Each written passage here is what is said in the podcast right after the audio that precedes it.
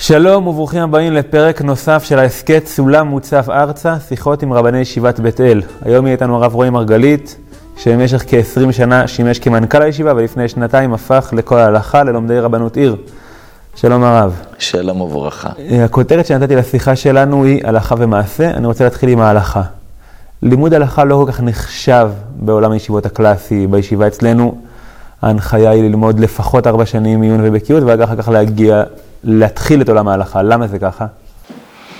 אמ, אני לא יודע אם זה נקרא לא נחשב. אה, פשוט, כמובן, כשמגיעים להלכה, חייבים קודם להקדים. קודם שאדם לומד אה, א', ב', אה, בקריאה, ואחר כך הוא ניגש לקריאה עצמה, וכנ"ל הוא לומד מספרים, ואז הוא ניגש לחיבור וחיסור, כפל וחילוק. כדי ללמוד הלכה כמו שצריך, חייבים בעצם להעמיק בים התלמוד. אין ספק, הוא מקור ההלכה. וכאשר אתה מעמיק בים התלמוד והופך להיות אה, אדם שיודע ללמוד תורה, יודע לחשוב תורה, ממילא כאשר אתה מגיע לעולם ההלכה, אתה מגיע אה, אה, בשל, אתה יודע איך ללמוד, אתה יודע איך לזכור, אתה יודע איך ללמוד דבר מתוך דבר, וזה דבר שנדרש מאוד בעולם ההלכה. כן, ואני אגיד יותר מזה, אה, גם הרבה פעמים כשמגיעים לעולם ההלכה, הלימוד הוא יותר עיוני, פחות למעשה. זאת אומרת, בן אדם ישב, למד גמרא, ראשונים, אחרונים, יסודי וזה, בסוף הוא מגיע לשאלה מעשית, והולך לפתוח פיני הלכה, או משנה ברורה, או אלקוט יוסף. אני לא יודע, אצלנו בכולל אנחנו לא מחנכים לדבר הזה, אנחנו רואים את הכל מהמקורות, אה, אם זה בבלי ואם זה גם ירושלמי ותוססתות ומשניות, ואחר כך דרך הטור בית יוסף, אה, שיטות הראשונים, אה, ואחר כך מגיעים כמובן לשולחן ערוך ונושא כליו, ולפוסקי זמננו. אבל בפוסקי זמננו זה לא רק לדעת מה הלכה למעשה. אנחנו מראים איך בעצם ההגדרות, הסברות, עומדות בפני עצמן, כדי שמחר אותו אדם שלמד את ההלכה, הוא בעצמו בשאלה אחרת שתגיע אליו, הוא ידע גם כן לפסוק. ודאי שאנחנו רוצים לראות את התמונה כולה, וברוך השם, אה, גם פוסקי זמננו וספרי ההלכה המאספים, נקרא לזה, של הדור האחרון, עוזרים לנו מאוד. אה, ואנחנו משתמשים בזה, זה מצוין. אבל ברור שהמטרה היא בסופו של דבר שתלמיד יעמיק, על מנת שבסופו של דבר הוא ידע לדמות מילתא למילתא נכון, הוא ידע את ההגדרות הנכונות שבהן הוא יוכל לפסוק הלכה בעצמו. וזה מה שאנחנו עושים, ברור מאליו. השאלה אם לא צריך להתחיל ללמוד הלכה קצת קודם, לפחות ברמה המעשית, כאילו אם יש איזשהו ספר הלכה או... א', צריך לדעת הלכה כדי לדעת מה לעשות. כן. כדי לדעת מה לעשות, וזה, אנשים אני רואה שכן עושים, אולי, אה, אולי לא כולם, אבל אני רואה תלמידים, גם בגיל צעיר יותר, אפילו בישיבות התיכוניות, לומדים, אם זה כל ספרי ההלכה של זמננו, או שולחן ערוך משנה ברורה, כדי לדעת מה לעשות. נכנסים לשיעורי תורה, אה, שיעורי הלכה, אה, כדי לדעת מה לעשות ביום-יום, אבל לא, לא מעמיקים יותר מזה. אילו נושאים הלכתיים אדם צריך לדעת בשביל חיי היום-יום? אילו נושאים, אילו ספרים? אה, אדם שלומד הלכה וצריך לדעת הלכה, זה הדברים שהוא נתקל בהם קודם כל ביום-יום. צריך לדעת את כל התורה כולה. אבל בסופו של דבר אין ספק שהדברים שאדם חווה כל יום בשולחן ערוך אור חיים, כלומר הנהגת הבוקר, תפילה, קריאת שמע, אה, אה, אה, שבת, דברים בסיסיים באיסור והיתר, שהוא ידע איך להתנהל בבית, במטבח, דברים כאלה, ודאי שעכשיו בן אדם לא צריך ללמוד הלכות פדיון הבן. לכשיגיע אה, לכך בעזרת השם, אם יזכה לקיים את המצווה הזאת, שילמד, יעמיק בה, זה בסדר גמור. אבל יש הרבה דברים של הלכות ש... שהוא פשוט לומד אותם, אה, לומד אותם כדי לעשות אותם הלכה למעשה, את, את מה, מה שהוא נתקל בהם. עכשיו, יש הרבה דברים שאנחנו יודעים אותם הלכה למעשה. מהמטבח של אימא. מהמטבח של אימא, בדרך כלל אנשים שגדלו בבית אה, שומר תורה ומצוות, אז ממילא הם עושים את הדברים כי כך עושים, הם יודעים מה זה פלטה, והם יודעים מה זה שעון שבת, והם יודעים אה, את ברכות השחר, והלכות קריאת שמע, ומתי מדברים, מתי לא מדברים, והלכות שמונה עשרה, ואיך עומדים בשמונה עשרה. אז רוב ההלכות אנחנו מכירים אותן, אוקיי? מכירים אותם, רק בסופו של דבר, כשבן אדם לומד את זה מסודר, אז הוא מבין גם מאיפה זה נבע, מאיפה זה קרה, איך זה התגלגל. אני אחדד את הנקודה שאני חותר אליה. מישהו אמר לי פעם,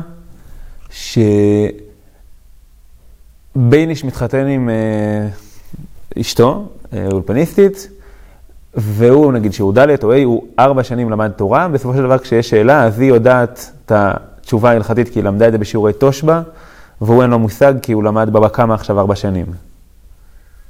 זה מציאות, אתה מכיר את המציאות הזאת? אני מכיר את המציאות הזאת, ההצגה היא קצת יותר קיצונית, כמו שמציגים אותה, אבל uh, בהחלט, כי הרבה פעמים האישה לומדת הלכות למעשה, אם זה שבת, אם זה כשרות, מצוות שקשורות לאישה. אז באמת בתחומים האלה, לפעמים באמת האישה יודעת הלכה למעשה, כי ככה היא שמעה. אבל בדרך כלל הבעל משלים את זה מהר, גם אם הוא לא עשה את זה בשנים קודמות. ולרוב, לרוב הידיעות שלו הן בסדר מבחינת ההתחלה של הקמת הבית. ומה שיש לו לפעמים, אז הוא שואל את, ה, את השכן מעליו, או את הרב שלו, או את מישהו איתו בקשר אה, בישיבה, שיודע את ה... התעמק בנושא ההלכה. איך היית ממליץ לבן אדם ללמוד הלכה למעשה, ככה שהוא ידע בפועל מה לעשות? אה, יש הרבה ספרי הלכה היום, הרבה ספרי הלכה. אה, בעיקר זה קשור לסגנון. כל אדם מתחבר לסגנון מסוים. יש אנשים, מאוד נוח להם עם השולחן ערוך משנה ברורה, אוהבים את השולחן ערוך משנה ברורה. ויש כאלה בקיצור שולחן ערוך, אה, או ברב חיים דוד הלוי, או, או בפסקי תשובות של המשנה ברורה. וכהנה וכהנה, זאת, אם זה, אנחנו יודעים עכשיו הלכות ברכות, אז יצאו ספרים, וזאת הברכה. אנשים משתמשים בכל מיני ספרים בני זמננו, זה בעיקר שאלה של סגנון. בן אדם מתחיל לקרוא את זה, לא מתחבר אליו, או כן מתחבר אליו בסגנון שלו, ועל פי זה הוא הולך. אה, מאוד, אין, אין, אין לי המלצה מיוחדת. אבל כן להכיר ספר טוב על בוריו, או כן להכיר איפה כל דבר נמצא, או... בספרי זמננו זה יותר קל, יש מפתחות, אה, גם אם בן אדם לא זוכר אפילו איפה הוא למד בספר, או, או, או איפה זה נמצא בספר, הוא מחפש בספר מפתחות, הוא אה, מסתכל, יכול להגיע, גם אם הוא לא למד את זה עדיין, להגיע בסופו של דבר לאותה שאלה שמציקה לו, ולפתור אותה. אבל זה לא, לא, לא, אין לי בזה המלצה, איזה המלצה מיוחדת. אתה רואה שזה, נע, אנשים בסוף מוצאים לעצמם איך, איך לדעת את ההלכה, הלכה למעשה. ובעיניך לימוד הלכה זה משהו שצריך להתמיד בו כל החיים? זאת אומרת שיש לבן אדם איזשהו לימוד קבוע? אה, בוודאי, בוודאי, כמו שאר חלקי התורה. כמו שאר חלקי, זאת אומרת, זה לא, אין לזה יתרון או... כמו שאר חלקי התורה, ודאי, ודאי, שבסופו של דבר, אדם צריך לדעת את הכל, ובנושא של הלכה, אני הייתי מציע שקודם כל יתמקד בדברים הלכה למעשה שהוא צריך ליום-יום, אבל אחר כך בהחלט גם יקיף דברים אחרים, גם מצוות צדקה צריך לדעת, מצוות פדיון הבן, מצוות מזוזה, אה, מצוות התלויות בארץ. כל הדברים צריך לדעת, אבל ודאי במינון, במינון ודאי אני הייתי אומר לאדם, תשמע, אם יש לך זמן מאוד מוגדר ומוגבל, אז ודאי שאני ממליץ לו להתחיל עם ההלכות שהוא פוגש אותן ממש ביום-יום. ממש, ממש הלכות תפילה, הלכות ברכות, הלכות שבת, אוקיי? דברים בסיסיים בכשרות ובטהרת המשפחה, אוקיי? ממש בכשרות הפרדה בין בשר לחלב, וכלים, מה קורה עם כלי אה, אה, אה, אה, נטרף מהמין השני. אה, ודאי, ודאי איזו שאלה. אני, אם אפשר ברמה האישית, אתה תמיד תולה לנו, או שולח באימייל לפני חגים, את כל ההלכות שקשורות לחג, ככה בצורה מסודרת.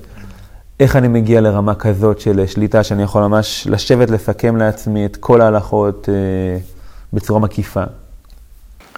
אמ, בדרך כלל, אמ, זה קשור אה, ליכולת הכתיבה וגם לתפיסה קוגניטיבית. יש אנשים שבדרך הלימוד שלהם, הם חייבים לכתוב, לכתוב ולסכם, וגם יודעים לסכם טוב. והם אוספים לאט לאט לאט את כל החומר, את כל הנקודות שנוגעות. במקרה שלי, שאני, הדבר הזה שבעצם נשלח ההוראות לפני חגים, זה משהו שביקש ממני ראש הישיבה בזמנו, שאני אפיץ הוראות כאלה כתובות, והדף הזה הלך, הלך והתחדש והתחדד אה, במשך השנים מהשאלות שעלו מהשטח. השאלות היו מגיעים אליי, או מקרים שקרו לאנשים בפועל, בחגים, ומיד לאחר החג כבר היינו מעדכנים את הדף הזה, או מוסיפים הלכה מסוימת ששכחנו, כדי שכבר בחג הבא זה יהיה מבואר הרבה יותר. וברוך השם הגענו לרמה שכמעט כיסינו את כל השאלות שהאדם נתקע להם בבית, אם זה ביום טוב, אם זה ביום טוב הסמוך לשבת, מלפניו ומאחריו וכדומה. אה, מה היתרונות והחסרונות של מבחני הרבנות הראשית? אה, א', אני לא רואה בזה חסרונות. אה, טוב שכך, אם בכל העולם היום מקובל לעשות בחינות, גם בעולם האקדמי, אדם עושה מבחן או מבדק, איך שתקרא לזה כבר מכיתה א', והדבר הזה עוזר מאוד, עוזר פעמיים. הלימוד הרבה יותר טוב, הלימוד של האדם הוא הרבה יותר טוב, כי בסופו של דבר הוא צריך, הוא לא יכול ללמוד בערך ובכאילו, והוא יושב ומברר את הנקודה עד הסוף, ובפעם השנייה, זה בעצם, יש פה איזשהו אה, אה, אה, איזון חוזר. לאחר שבן אדם בסופו של דבר נבחן, הוא מקבל מרנן ורבנן גדולי הדור או נציגיהם את האישור לכך שאכן הוא יכול, לא רק, לא רק שהוא יודע את ההלכות האלה, הוא גם יכול לפסוק לאחרים. הוא יכול לפסוק לאחרים, ואנשים יכולים לקבל ממנו מענה. אנשים מחפשים מענה, דבר השם זו הלכה, מחפשים, אנשים שואלים. בכל יום, בכל יום מגיעים אליי שאלות, שאלות בהלכה. בכל תחומי ההלכה. וחלקם אני יכול לענות במקום, וחלקם אני צריך לברר, אבל בסופו של דבר אני נותן מענה לשואל. אם זה דרך אה, אה, אתר ישיבה, אה, מדור שאלת הרב שמגיעים אליי שאלות, ואם זה שאלות שמגיעים אליי בטלפון, ואם זה פנים אל פנים. בסופו של דבר, אתה, השאלה הגיעה אליך, אתה בסוף נותן את המענה. גם אם בסופו של דבר אני צריך לפתוח ספרים, להתייעץ עם גדולים ממני, כי זו שאלה מורכבת, אבל בסופו של דבר, האדם צריך לקבל תשובה. ובכל זאת, מישהו אמר לי, לפני השיחה הזאת, כשאנחנו לומדים למבחנים של הרבנות הראשית, אנחנו מסיימים ברבנים שמתו לפני 100 עד 250 שנה. זאת אומרת, בעצם הרבה מהסוגיות של היום, הזכרת את שעון שבת, אה, אפשר עוד לתת כל מיני דוגמאות, אה, כל מה שקשור טוב, לתרומת ומעשרות שלא כל כך דנו, כאילו שהאחרונים אפילו פחות אה, התעסקו בזה. יש דברים שהם חסרים, איך אנחנו משלימים את זה? אז קודם כל, אני דואג להשלים את זה בשיעור. בשביל זה אני בעצם אה, אה, מסייע, מלווה את התלמידים, גם בלימוד, בשאלות שעולות תוך כדי לימוד, בטור, בית יוסף, בשולחן ערוך ונושא כאליו, ובסופו של דבר אני דואג בעצם להשלים להם את כל החסרים מסביב. כי לדוגמה, אם ניקח בהלכות ברכות, בסופו של דבר, כמו שאמרת, זה הלכות ברכות אה, נוגעות ל... אה, תעשיית המזון שהייתה עד לפני אה, אה, כמה מאות שנים, או עד לפני מאה שנה, וזה היה מאוד מוגבל. המטבח שלנו היה מאוד מוגדל, ותעשיית המזון התפתחה מאוד, ואם היום צריך לדעת מה מברכים על פתיתי אורז, על פצפוצי אורז, או על פרחיות חיטה, או הממתקים למיניהם, מכל הסוגים ש, שיש, אה, אז בסופו של דבר, אנחנו מגיעים בשיעור, אני נותן סקירה בין רלוונטי לסימנים שנתנו באותה שבוע, שלמדנו באותו שבוע, אה, את כל, אני משתדל להקיף את כל פוסקי זמננו, וסוגיות הלכתיות שעלו. והתלמידים, בסופו של דבר, קונים את זה. וגם כשהם מגיעים למבחן בסופו של דבר, לא רק למבחן, לחיים. הם יודעים מה מברכים על, על כל דבר ודבר, אה, והם גם במבחן יודעים לא להיעצר רק בשולחן ערוך ונושא כליו, אלא לפרט במבחן, והבוחן רואה את זה, שהם הגיעו עד לפוסקי זמננו. מה אומרים גדולי הפוסקים של ימינו בסוגיה הזאת. וכדי לסגור את החלק הזה, אה, מה המקום של שימוש תלמידי חכמים? שימוש תלמידי חכמים אה, הוא דבר מרכזי. בן אדם לא, היום הפלטפורמה של זה, זה ישיבה. אה, אנשים פעם למדו אצל רב, רב מפי רב, או בבתי מדרש קטנים, והרב הסמיך, הסמיך את תלמידו לשחוט, למול, או כל סוגיה שהם גמרו, לס... סיימו ללמוד, והרב הרגיש שהתלמיד בקיא בה, הוא נתן לו סמיכה לדבר הזה. היום הפלטפורמה היא עולם הישיבות. אדם לא, אה, בדרך כלל היום, אה, שוקע כמה שנים בישיבה, משתלם בכל מקצועות התורה, או במקצועות מסוימים, ובסופו של דבר, אם זה הלכה, אז הוא עושה מבחן של הלכה. אם זה בסופו של דבר בעולם העיון והתלמוד, אה, הוא משתלם ומקבל הכרה. של מורה ורבותיו, ונותנים לו שמיכה, אה, אה, אה, ועם זה הוא יכול אחר כך להיות רם בישיבה גבוהה, בישיבת הסדר או משהו כזה, כי הכירו בו, הכירו בו חכמי דורו שהוא ראוי, הוא ראוי להיות, להיות מוביל, להיות מחנך, להיות רם. וכמה אני מצפה ממנו, מהתלמיד, להיות אקטיבי בפנייה לרב. זאת אומרת, הוא צריך הרבה לנסות לשאול שאלות או להסתדר לבד, כאילו... תראה, התלמיד לומד. יש שאלות שעולות מהלימוד, ולכן הוא פונה בהם בדרך כלל לרם הישיר שלו. לרם הישיר שלו. דברים שעולים תוך כדי היום. יש שאלות שהן שאלות הלכתיות, עמוקות יותר, או שאלות של השקפה, או משהו כזה. ולפעמים הרב נותן מענה, ולפעמים זה משהו שהתלמיד פונה לראש הישיבה. אה, לגבי המינון, אני לא יודע, לפעמים, לפי, לפי, לפי מה שצץ, לפי מה שעולה, יש תקופות שלפעמים חודש אה, אין לך איזה שאלה שצצה, ולפעמים פעמיים בחודש או פעמיים בשבוע איזו שאלה שמטרידה אותך מאוד, והיית רוצה לקבל עליה מענה. אני חושב שפה בישיבה, אה, הצוות החינוכי פתוח לכל שאלה ושאלה שעולה. ו, ו, ומשתדל לתת מענה, לעזור עד כמה שאפשר. אז תודה רבה. נעבור לחלק השני, החלק המעשי. סיפרת לי שהנחית פאנל שהכותרת שלו הייתה, לקחו אותי מהסטנדר לניהול. תוכל רגע לספר איך הגעת מלהיות אברך בישיבה לכס המנכ"ל? אמ, אני למדתי בישיבה, אה, הגעתי לישיבה באלול תשנ"א. מישיבת כפר הרועה, סיימתי בישיבת כפר הרועה, ולמדתי פה במשך ארבע שנים בסדר הרגיל של הישיבה, אה, גמרא, עיון בבקיאות, אה, שיעורים, אה, אמונה, תנ"ך, הלכה, כל, בסדר הרגיל שפה לומדים בכל הישיבות אגב. ויצאתי לשירות של צבאי במסגרת הסדר מרכז בשריון. וכשחזרתי לישיבה גם כן המשכתי, אה, חזרתי לעולם העיון והבקיאות ב, ב, בישיבה, ולאחר מכן אה, ראיתי את עצמי אה, נכנס לתוכנית ההלכה. הייתה פה תוכנית הלכה מאוד טובה. ואפשר להגיד שהשיעור שלנו גם קצת התפורר, נקרא לזה ככה, והייתה קבוצה טובה מאוד שלמדה הלכה. והצטרפתי לכך. ו...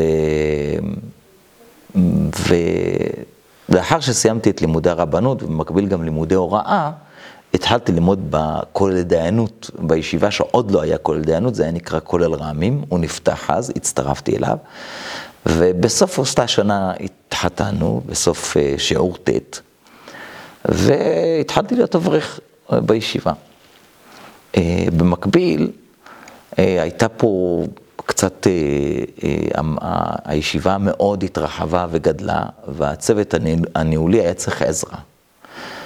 ובעצם אני רואה את זה, ואני מסתכל על זה ככה, אני הושאלתי, הושאלתי למשרד הישיבה, בגלל שהרב חשב ש, שאני יכול לעזור מאוד, כי יש לי גם יכולות מעשיות.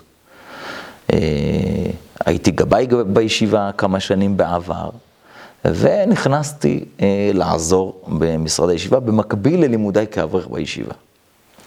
ועם השנים זה, העבודה הלכה ותפחה.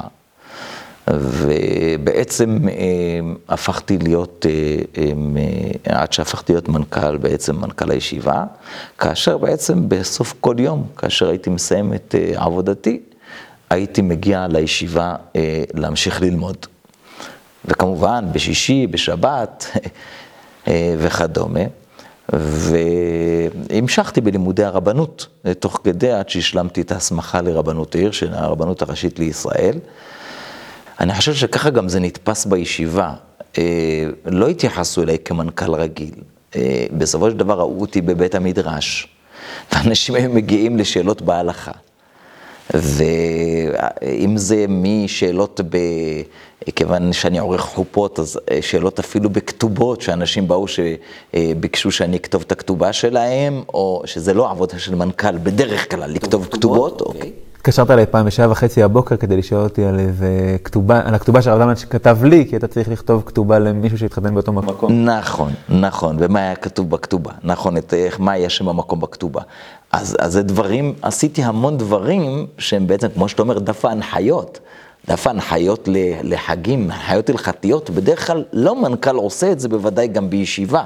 או צריך לתת פתאום שיעור על עירוב תבשילין בערב ראש השנה, אז האדם הראשון שפונים אליו זה היה אני. אה, כאשר מעליי אה, קומה יש בית מדרש שלם של, אה, של 500 איש. אז הייתי, הייתי בעצם, כל הזמן הייתי בישיבה. הייתי חלק מהישיבה בכל דבר ו, של קודש, הייתי חלק מבית המדרש, ובמקביל גם בעצם עשיתי את עבודתי במשרד.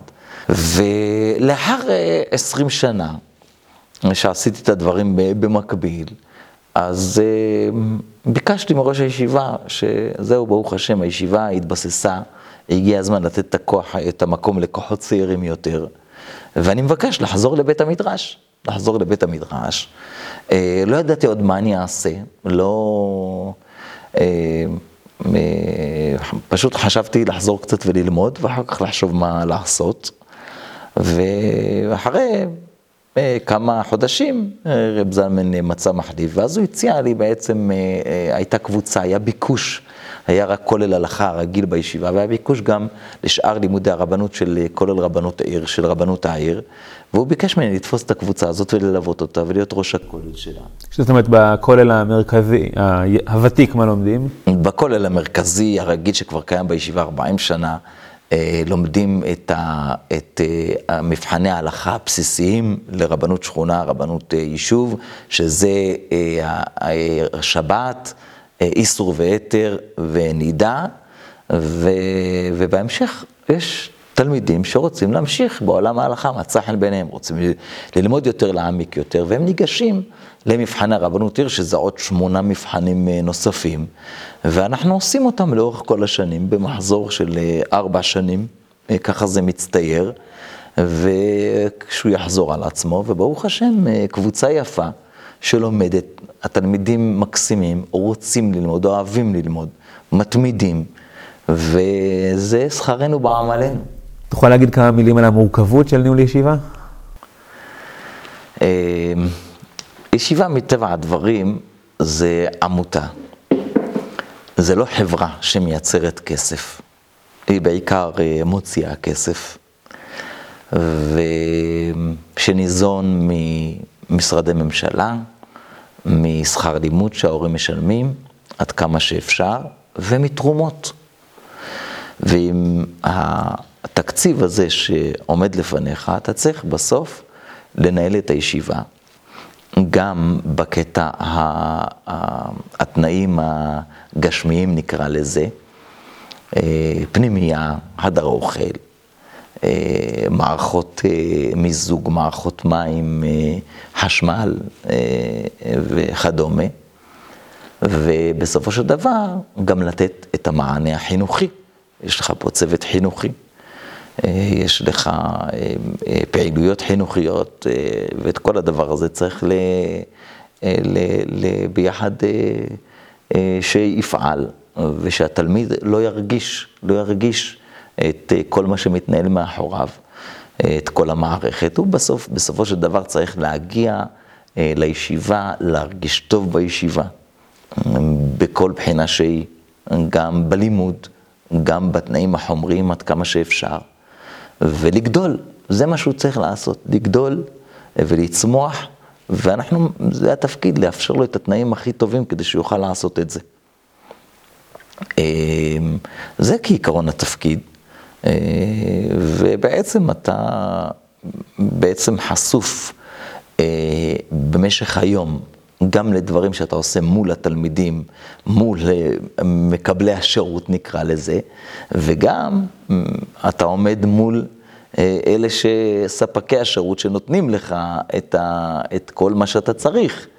אם זה ספקים, זה הם, הם, הם, כל משרדי הממשלה, אם זה בנקים שאתה עומד מולם, תורמים, שכולם מאפשרים וכולם שותפים לדבר הגדול הזה שאתה בונה פה.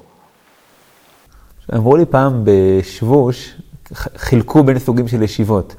שיש ישיבה שמאוד מעודדת את התלמידים להיות מעורבים בעשייה, כאילו לשטוף את החדרים, לשטוף כלים, כאילו להיות תורנים, לא בקטע שאין כסף למנקים, יכול להיות שזה להפוך uh, קצת חולשה לאידאל, אבל כאילו אומרים, אנחנו רוצים שהתלמידים יהיו מעורבים ב, בעשייה, ויש מקומות, ונתנו לי כדוגמה את בית אל, ששם אומרים, אתה, אה, דואגים לך למנקה, דואגים לך לשותפי כלים, אתה תשב תלמד.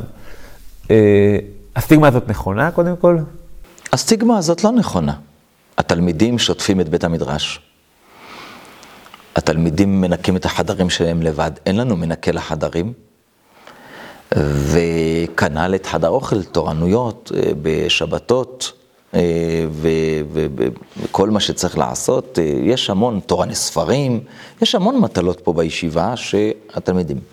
יאמר לזכותם של התלמידים, שחלק מהמטלות הם ביקשו אותם. היה מנקה לבית המדרש. אבל באיזשהו שלב באו תלמידים ואמרו, אנחנו רוצים לנקות את בית המדרש, זה זכות.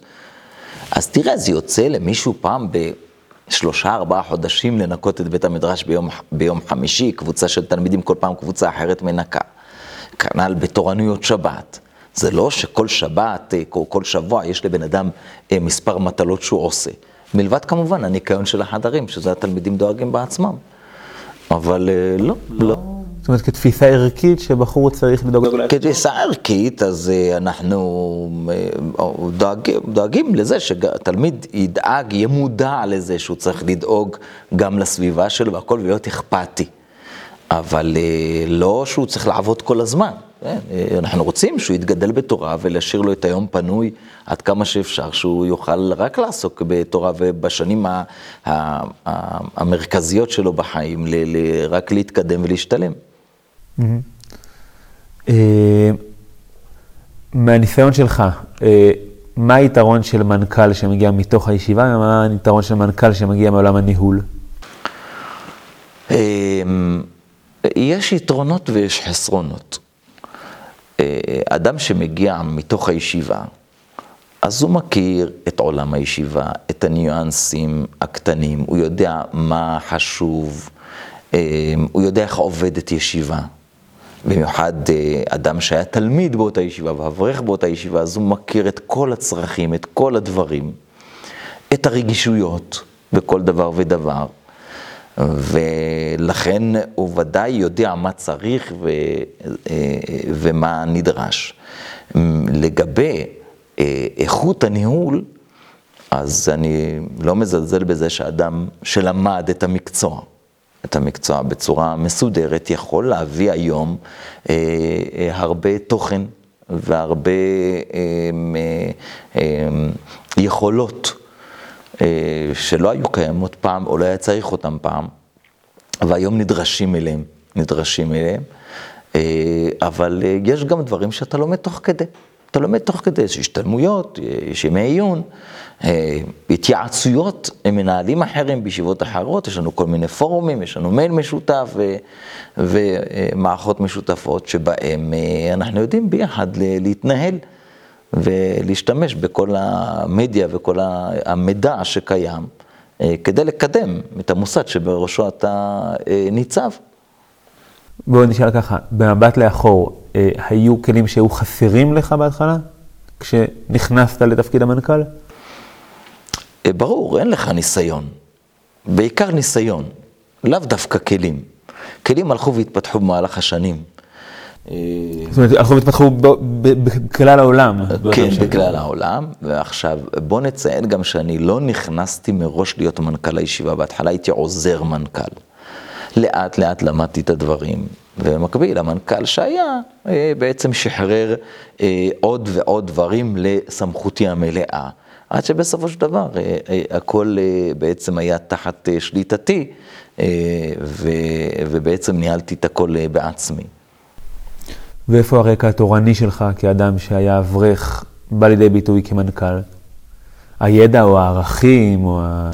זה דבר שהוא באמת בא לידי ביטוי על ידי זה שאדם שנכנס להיות מנהל חברה, בסופו של דבר מעניין אותו דבר אחד אה, אה, בחברה, הכדאיות הכלכלית של החברה. כמה כסף החברה תכניס, לשם כך היא נוצרה. חברה נוצרה להרוויח. כשאתה מנהל ישיבה, הרבה פעמים אה, דברים של ערכים אה, באים על חשבון אה, כסף ודברים כלכליים. לא תמיד אתה מסתכל דח, דח, רק דרך החור של הגרוש, מה שנקרא. הרבה פעמים אנחנו משלמים מחיר על דברים שהם חינוכיים, כי הם חשובים לנו. אם דברים הם חשובים, כמובן לראש הישיבה. שראש הישיבה הוא בעצם מבטא ואת כל הדברים, אה, אה, את כל התורה החינוכית. וכל מה שאנחנו עושים זה נגזרת, נגזרת של הדבר הזה. בסופו של דבר יש דרך חינוכית, ואנחנו בעצם אה, מקבלים אותה כמו שהיא, לאחר שהצוות החינוכי החליט, אם זה בישיבת רמים או ראש הישיבה החליט, ובסופו של דבר אנחנו גוזרים משמעויות לנו אל המשרד, וזה נכנס לביצוע. אז אה, ודאי שזה ההבדל המרכזי, נקרא לזה ככה, בין חברה לבין אה, עמותה או מלכ"ר, אה, ישיבה. שהיא באה עם סולם ערכים, וכל תפקידה זה לממש את הערכים, לקחת את הערכים האלה ולהגשים אותם, להגשים אותם. אז אם הערכים ומטרות העמותה היו הקמה וניהול של קריה ישיבתית, שסביבה יהיו תלמידים ואברכים, ואז הקריאה החינוכית זה התפקיד, ולשמו אנחנו הקמ, הקמנו ומפעילים את כל המוסד הגדול הזה. ובהקשר הזה אתה יחסית עומד על הרגליים מבחינה הלכתית, או שזה נושאים שלא כל כך מגיעים אליהם בלימוד הקבוע וצריך ללמוד אותם תוך כדי תנועה? אני אישית אה, הכרתי את הנושאים האלה קודם, והעמקתי בהם. העמקתי בהם כשהגיע הדבר הזה, ניתן דוגמה, מוני המים החדשניים היום הדיגיטליים. כאשר היה צריך להחליף את מוני המים, אה, וזה פתאום עלה לפתחנו, הסוגיה הזאת. זאת אומרת, שמה הבעיה? שזה בשבת? אה, של מוני המים שעובדים בשבת. אז נכנסתי לתוך הסוגיה ההלכתית, ההלכתית, ובסופו של דבר הצגתי לפני ראש הישיבה את כל הפרמטרים ההלכתיים, שזה סוגיה חדשה, שלא הכרנו אותה, אף אחד לא הכיר אותה בארץ, ויכולנו אחר כך לקבל החלטה מה לעשות עם זה. אבל כן, יש סוגיות גם חדשות שמגיעים, והיינו צריכים להעמיק בהן, ו... וגזרנו משמעויות אחר כך. Mm-hmm. עכשיו, הישיבה מאוד מעורבת בחיים של הקהילה. אם זה בתמיכה כלכלית מסוימת לאברכים, אה, מישהו סיפר לי בסוד שיש גם קרן לבחורים שצריכים אה, תמיכה בכל מיני תחומים. אה, איפה העולם הזה נכנס בניהול השוטף? אם, אם דיברת על זה שישיבה היא מקום לא רווחי, זה כאילו תחום מאוד מאוד לא רווחי. נכון. הישיבה מחזיקה קרנות, קרנות של גמ"ח וקרנות של צדקה. שיש אנשים אה, שתרמו לצורך הדבר הזה. לצורך הדבר הזה שמלבד אה, אה, חיי התורה, גם שנוכל לעשות בגמילות חסדים וצדקה. והם הביאו את הכסף דווקא לישיבה, כי הכירו בנו כמוסד מסודר ואחראי, שבאמת נדע לתת את הכסף למי שצריך, והתורם יודע שיכול לסמוך שבאמת המצווה תעשה בשלמות בכסף שלו. ואז יש לנו את היכולת מדי פעם לתת הלוואות, מדי פעם לתת תמיכות. ולעזור, לאחר שבדקנו כמובן את, את יש לנו ועדת תמיכות. שבראשה נמצאים אנשים כמובן שמכירים את התחום וגם אנשים יראי שמיים, שבאמת אנחנו סומכים עליהם. ובסופו של דבר, לאחר שנקבע, שמי, לאחר שבדקו את פרטי המקרה ונקבע שאדם יקבל לסכום מסוים, אנחנו מעבירים את הסכום בשמחה ושמחים לעזור. וזה בעיניך חלק מהישיבה, או שזה נקרא לזה מפעל אה, מקביל שבמקרה אותם אנשים מתעסקים בו? לא, זה חלק מהישיבה, זה מצווה כמו כל מצווה שכתובה בתורה, וגם חלק ממטרות העמותה. מטרות העמותה, לעזור למי שלא יוכל כלכלית אה, ויהיה לו קשה אה, לתמוך בו, כדי שיוכל להמשיך בחיי תורה ולהתקדם ולהשתלם ולא יצטרך בעצם להפסיק את זה ולצאת לשוק החופשי, לעבוד, כי אין לו את היכולת לפרנס את משפחתו. עד כמה זה דבר שהוא נפוץ בעולם הישיבות? יש אותו בעולם הישיבות. ברוך השם, הנזקקים הם לא רבים. הם לא רבים. אה, אבל כן, מדי פעם, אני, אני, עד כמה שאני יודע, בכל ישיבה יש לה את, הקרן הזאת, או משהו שבצנעה ובהסתר יכולה גם לתת מענה לאנשים ש, שקשה להם. ועוד שאלה בתחום דומה, העברת פעם סדנת התנהלות כלכלית לאברכים. אתה יכול להגיד כמה מילים בהקשר הזה? לאברכים, לבוגרים, למי שמקשיב?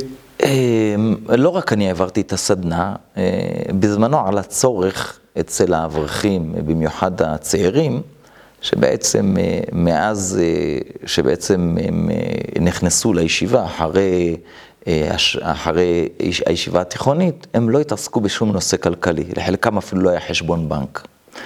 והנה הם עכשיו מתחתנים וצריכים לנהל חיי משפחה, ובשביל זה צריך בנק וצריך כרטיס אשראי. אה, וצריך להבין בדברים בסיסיים, כמו אפילו קניות במכולת. והחלטנו לעשות פה סדנה של ארבעה מפגשים, שאחד המפגשים אני העברתי, הייתה פעם בשבוע, ככה היא נפרסה על פני חודש. ובה נגענו בכל הדברים שזוג צעיר, לאו דווקא בחור ישיבה, אבל בדגש על בחור ישיבה, כי לא היה לו ניסיון קודם, הוא לא עבד, אה, קצת לא התחכך בעולם שבחוץ. אה, ולכן אה, נתנו את הסדנה הזאת, ואני נתתי את הסדנה, גם מהניסיון האישי שלי וגם מהניסיון הניהולי שלי, אה, קצת לעשות סדר בבלגן ולתת לאנשים כל מיני טיפים שעזרו להם בהתחלה של החיים. אם עד כדי ככה, עד לרמה של מה עושים, הכסף שקיבלנו מהחתונה, איך לא נכנסים למינוס. אה, איך אה, מוצאים איזה עבודה מהצד אם צריך, ואיך קונים במכולת. איך קונים במכולת. אה, עד כדי כך, וברוך השם, קיבלנו תגובות מאוד חיוביות. יש כאלה שזה עזר להם יותר, יש כאלה שעזר להם פחות, אבל אני מרגיש שלכולם זה עזר. ונושא נוסף בעולם ההלכת... המעשי, בסדר כמו הרבה בחורים מהישיבה, כמו שאמרת, התגייסת לשירות קרבי מקוצר, היום אתה בכיר בהרבנות הצבאית. איך רבת בשריון הופך לסגן אלוף במילואים ברבנות? כשאני התגייסתי לצבא, באמת התגייסתי כאמור לתשעה חודשים הסדר מרכז. בסוף השירות שלי, בחלק המבצעי של השירות, אה, הספקתי להיות ברצועת הביטחון בדרום לבנון במוצב הבופור במהלך אה, מבצע ענבי זעם. ולאחר השחרור המשכתי לעשות מילואים בחטיבת שריון.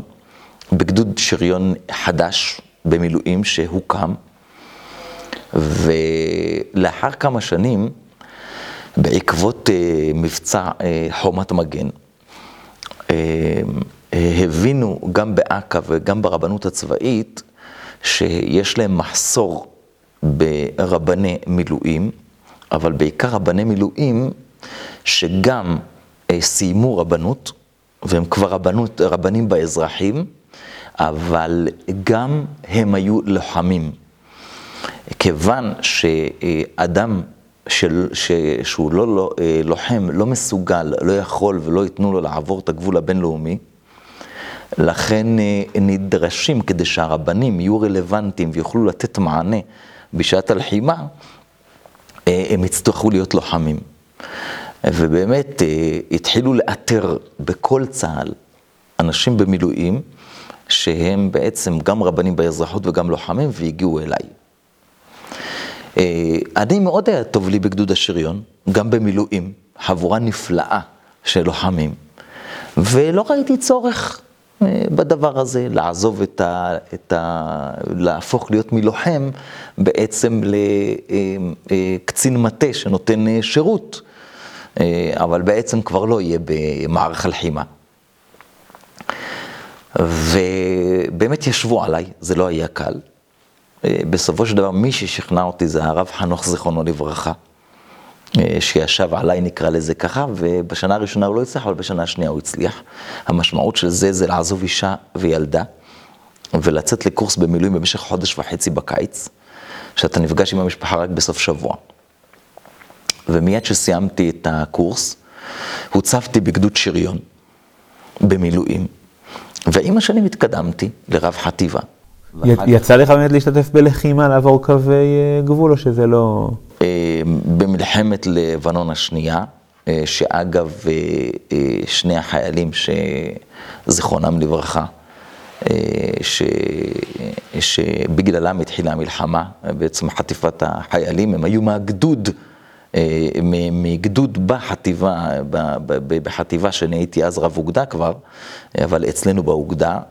אה, ו, והיינו עמוק בתוך העניין, גם השתתפנו במבצעים בעמוד ענן, בפועל, אה, בעמוד ענן אה, ובצוק איתן, במבצעים ממש, רבני הגדודים שלנו היו, היו ב, וטיפלו, לא עלינו, גם בחללים.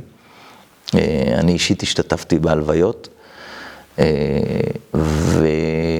וזה בעצם אה, התפקיד שבעצם בסופו של דבר אתה נותן שירות, אתה נותן שירות בכל ענייני הדת, לא רק במלחמה, אם זה בנושא החללים, אנחנו חיים לא ממלחמה למלחמה, יש לנו גם את השגרה. שגרת המילואים, שבו אנחנו מספקים אה, אה, שירות לכלל חיילי המילואים, שירותי דת. שירותי דת, אם זה כשרות, אם זה שבת, עירובין, אה, צורכי דת, כל הדברים, אה, הוואי דת, מה שנקרא תודעה יהודית, אה, צומות, חגים, כל הדברים אנחנו מספקים, עד שבסופו של דבר, שהייתי רב אוגדה במשך שש שנים, הייתי בעצם רב אוגדה, אוגדת המילואים הגדולה ביותר בצה"ל. שתחתיי היו 40 קצינים רבנים ועוד 300 איש חיילים מחלקות הדת. שבשעת מלחמה היינו צריכים לתת אה, שירות לעשרות אלפי חיילים. ולזה התאמנו, זה עשינו, זה מה שעשינו כל הזמן. מלבד כמובן תעסוקות ואימונים ש, שרבני הגדודים ורבני החטיבות היו אה, צריכים לעבור, אישור תוכניות וכל הדברים אה, אצלי, אבל כן, זה היה עבודה לאורך כל השנה, עבודה מסיבית. והיום תפקידך? כשסיימתי להיות רב אוגדה, אה, אדם שהכיר אותי ברבנות הצבאית והיינו בקשר אה, קודם לכן, אה, שהוא היה בפיקוד, הוא ביקש ממני לבוא, להמשיך ולתרום, כיוון שאני כבר לא חייב לעשות מילואים, הן מבחינת הגיל, הן מבחינת מספר הילדים, והוא ביקש ממני אם אני יכול לתת, מהניסיון שלי, שהוא כבר רב, לתת, לעזור במטה הרבנות הצבאית, ברבנות מטכ"ל, בבסיס הרבנות הצבאית בצריפין ובקריה. ואני בשגרה, בשגרה עוזר בקורס רבנים צבאיים. אה, לקראת, אה, כל שנה בקיץ יש קורס רבנים צבאיים ואנחנו עובדים עליו כל השנה, אה, בכל החלק של המתמיינים, להכין את, ה, את, ה, את המועמדים לקראת השירות, לבדוק את, ה, את כל הדברים מסביב, כדי שהם יוכלו להגיע לקורס. ובלחימה אני בעצם נמצא בראש, היום אני מוגדר כ... אה, ראש ענף אה, כוח אדם ולוגיסטיקה בחמ"ל רבצ"ר, שאני קצין מטה, בעצם אה, לרבצ"ר יש שם קציני מטה נוספים, שבעצם אנחנו מנהלים את כל החמ"ל הזה. ונותנים שירות לכל, את כל צורכי הדת, לכל, לכל, לכל צה"ל בשעת לחימה. ומה המוטיבציה להמשיך לעשות מילואים? כמו, כמו שאמרת, כשאתה כבר לא חייב. המוטיבציה היא שכל עוד אני יכול לתרום ורוצים אותי, אני אתן את מה שאני יכול, עד כמה שאפשר. ברגע שיחליטו ש... כבר אין צורך בי, או יש כוחות חדשים שמגיעים, אני אעביר את השרביט אה, אה, במהירות וביעילות, והלאה, לדור הבא. ועד כמה מילואים זה משהו שאתה ממליץ לבחור ישיבה, או אדם בכלל לעשות? כלומר? זאת אומרת, זה דבר שהוא תלוי תפקיד, כאילו מי שיש לו במקרה תפקיד טוב שימשיך, ומי שלא, שלא יחתור, או שאתה אומר, כמה שיותר צריך אנשים ש... זה לפי גם, זה, זה, זה מגוון. זה גם היכולת האישית, אה, זה לא רק היכולת האישית של האדם עצמו. אה, אדם יכול להיות צדיק, אבל לא יכול להיות צדיק על חשבון אחרים, יש משפחה מסביב.